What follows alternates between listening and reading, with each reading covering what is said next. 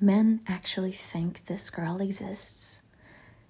Maybe they're fooled because so many women are willing to pretend to be this girl.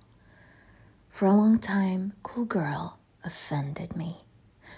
I used to see men, friends, coworkers, strangers, giddy over these awful pretender women, and I'd want to sit these men down and calmly say, You are not dating a woman.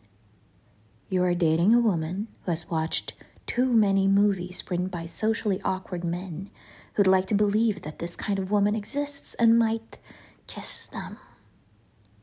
I'd want to grab the poor guy by his labels or messenger bag and say, The bitch doesn't really love chili dogs that much. No one loves chili dogs that much, and the cool girls are even more pathetic. They're not even pretending to be the woman they want to be. They're pretending to be the woman a man wants them to be.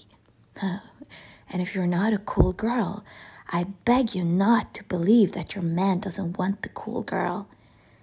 It may be a slightly different version. Maybe he's a vegetarian, so cool girl loves seitan and is great with dogs. Or maybe he's a hipster artist, so cool girl is a tattooed, bespectacled nerd who loves comics. There are variations to the window dressing, but believe me, he wants cool girl, who is basically the girl who likes every fucking thing he likes and doesn't even complain.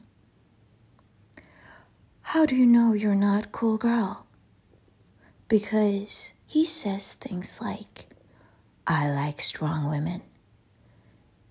If he says that to you, he will at some point fuck someone else. Because I like strong women is code for I hate strong women.